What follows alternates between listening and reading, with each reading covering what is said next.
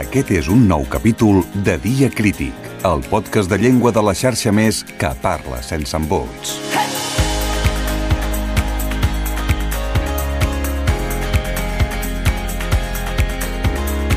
El català és una llengua rica i genuïna. Hi ha centenars de paraules exclusives de la nostra llengua que no tenen una traducció directa. Són el que podríem dir mots intraduïbles. Avui en descobrirem alguns dels que amaga el llibre No va badar, del filòleg Jordi Badia. D'entrada, li hem proposat un repte. Es pot fer una frase només amb mots genuïns del català? Comprovem-ho.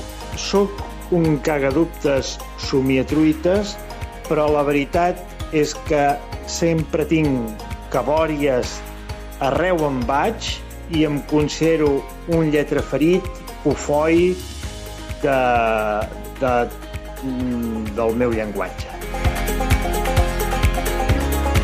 I ara analitzem algunes de les paraules.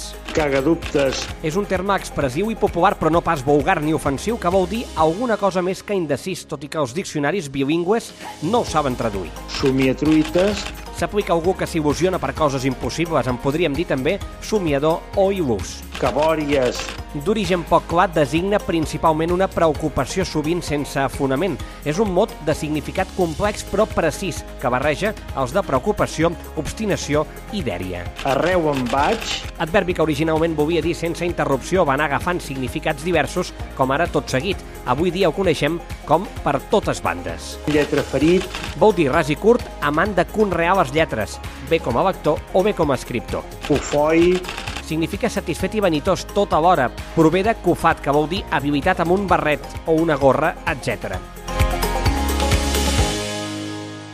Dia Crític, el podcast de la llengua que parla sense embots. I ja hem fet la primera lliçó, però com neix el llibre No va la badar?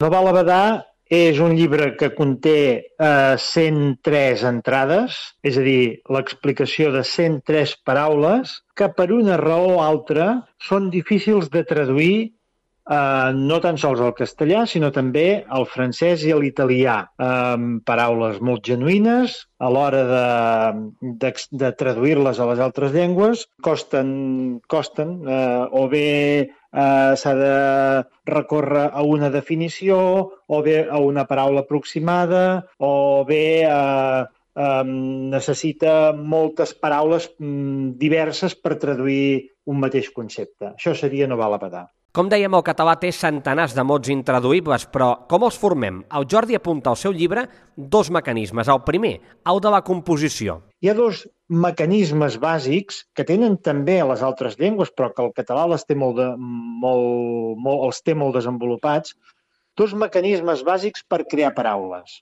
El primer mecanisme és la composició.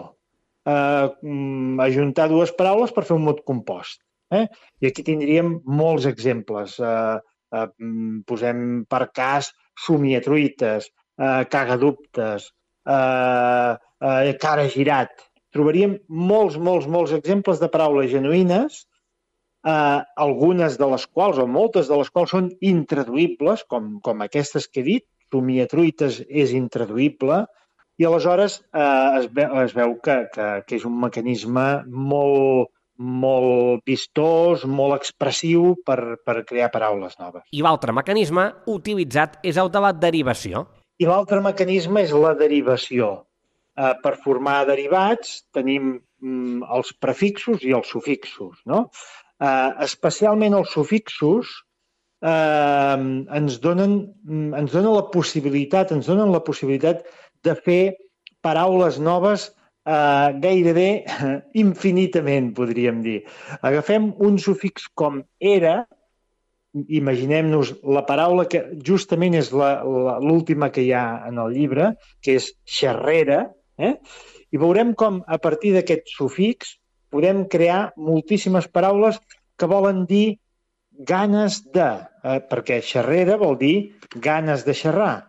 I això és un mecanisme per crear paraules noves, però alhora eh, resulta que la majoria d'aquestes paraules acabades en era són intraduïbles. La majoria d'aquests mots es van inventar entre els segles XVIII i XX. En canvi, ara no en creem de noves. Avui dia no, no sabem inventar paraules noves en català. Uh, pràcticament sempre, quan hi ha una paraula nova, l'hem copiada del castellà o de l'anglès. En canvi, eh, si estudiem una mica la llengua eh, de, del segle XX eh, i, i encara més del segle XIX i del segle XVIII, no cal retrocedir més enrere. El segle XIX, per exemple, és un, un segle eh, que té moltes, moltes innovacions.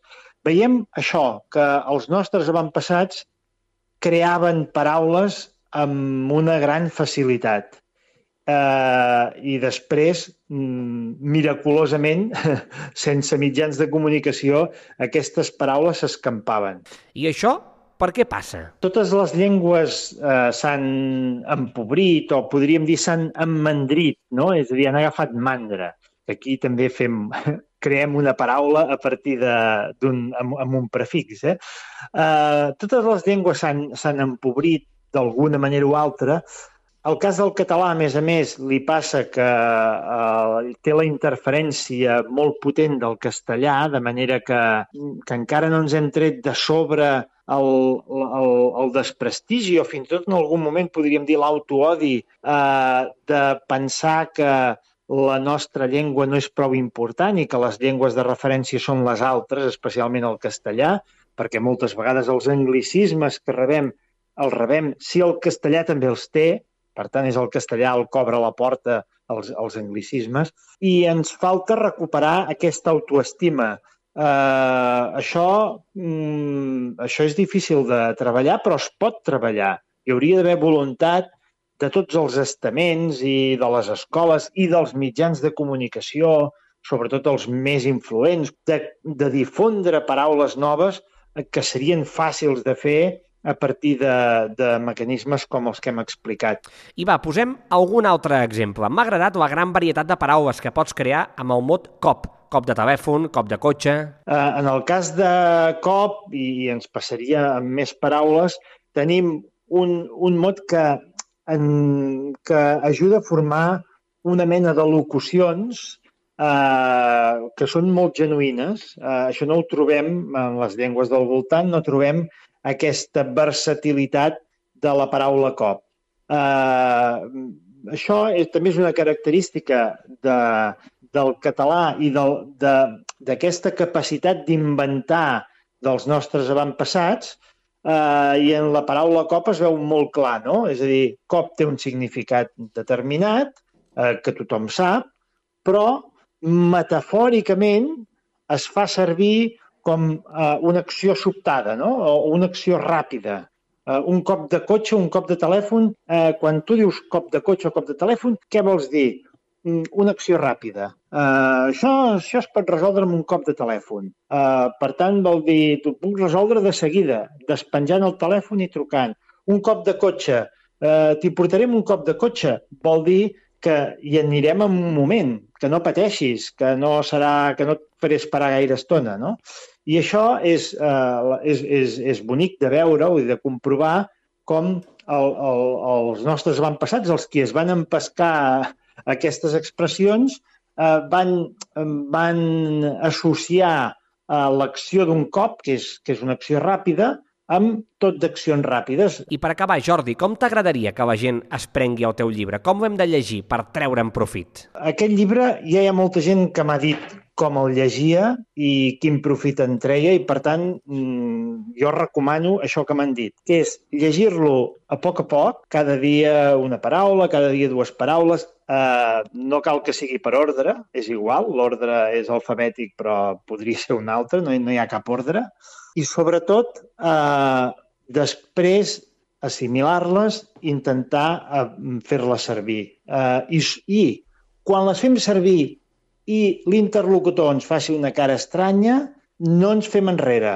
Expliquem-li què vol dir, si convé, i continuem-la fent, fent servir, perquè si no eh, no s'escamparà, no, no creixerà la taca d'oli. Ja ho sabeu, no sigueu cagadubtes i la xerrera sempre en català. Si varem, acabarem perdent la nostra llengua i no ens ho podem permetre. Amb un cop de telèfon, truqueu a la vostra llibreria de confiança i reserveu el llibre No val abadar. Fins la propera! Les fortaleses i les debilitats de la llengua dels països catalans es posen en punt de mira al podcast de llengua catalana Dia Crític, un podcast fet al Camp de Tarragona. Dia Crític, la llengua explicada des de la proximitat. Hey!